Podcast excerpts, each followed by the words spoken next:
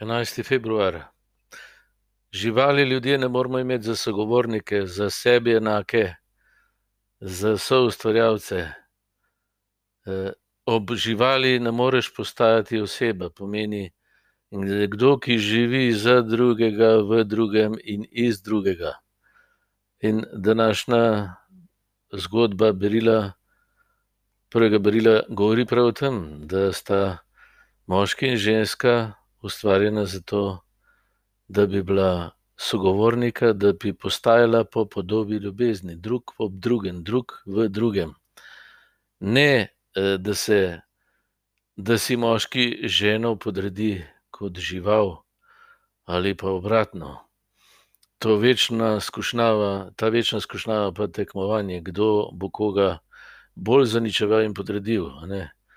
Nič ne pomaga. Različnost je danes zato, da bi se naučili ljubezni, pravi, eh, spoštovati različnost in se podarjati. Različnost se lahko podarja, ne, ne enakost, različnost.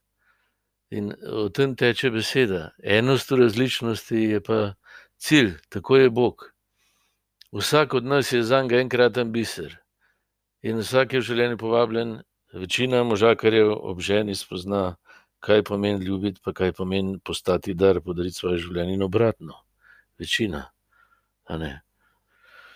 No, tako se mi zdi, da eh, je ženska je ustvarjena že v raju, tako pravi zgodba. Ampak kaj s tem pove? Ja, v resnici je tudi lepša.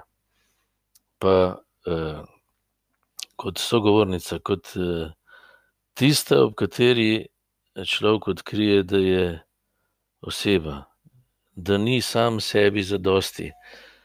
Eh, moški odkrije in obratno, seveda, tudi ženska. In tu je seveda tudi vedno konflikt in skušnjava. Prva vojna je med Adamom in Evo, njuni sinovi so že vzajemni morilci. Tako to je vedno podobna zgodba. Ampak Gospod je to v zdravu, v Kristusu. Ta prepad, to popredmetenje moškega po ženski in ženske po moškem.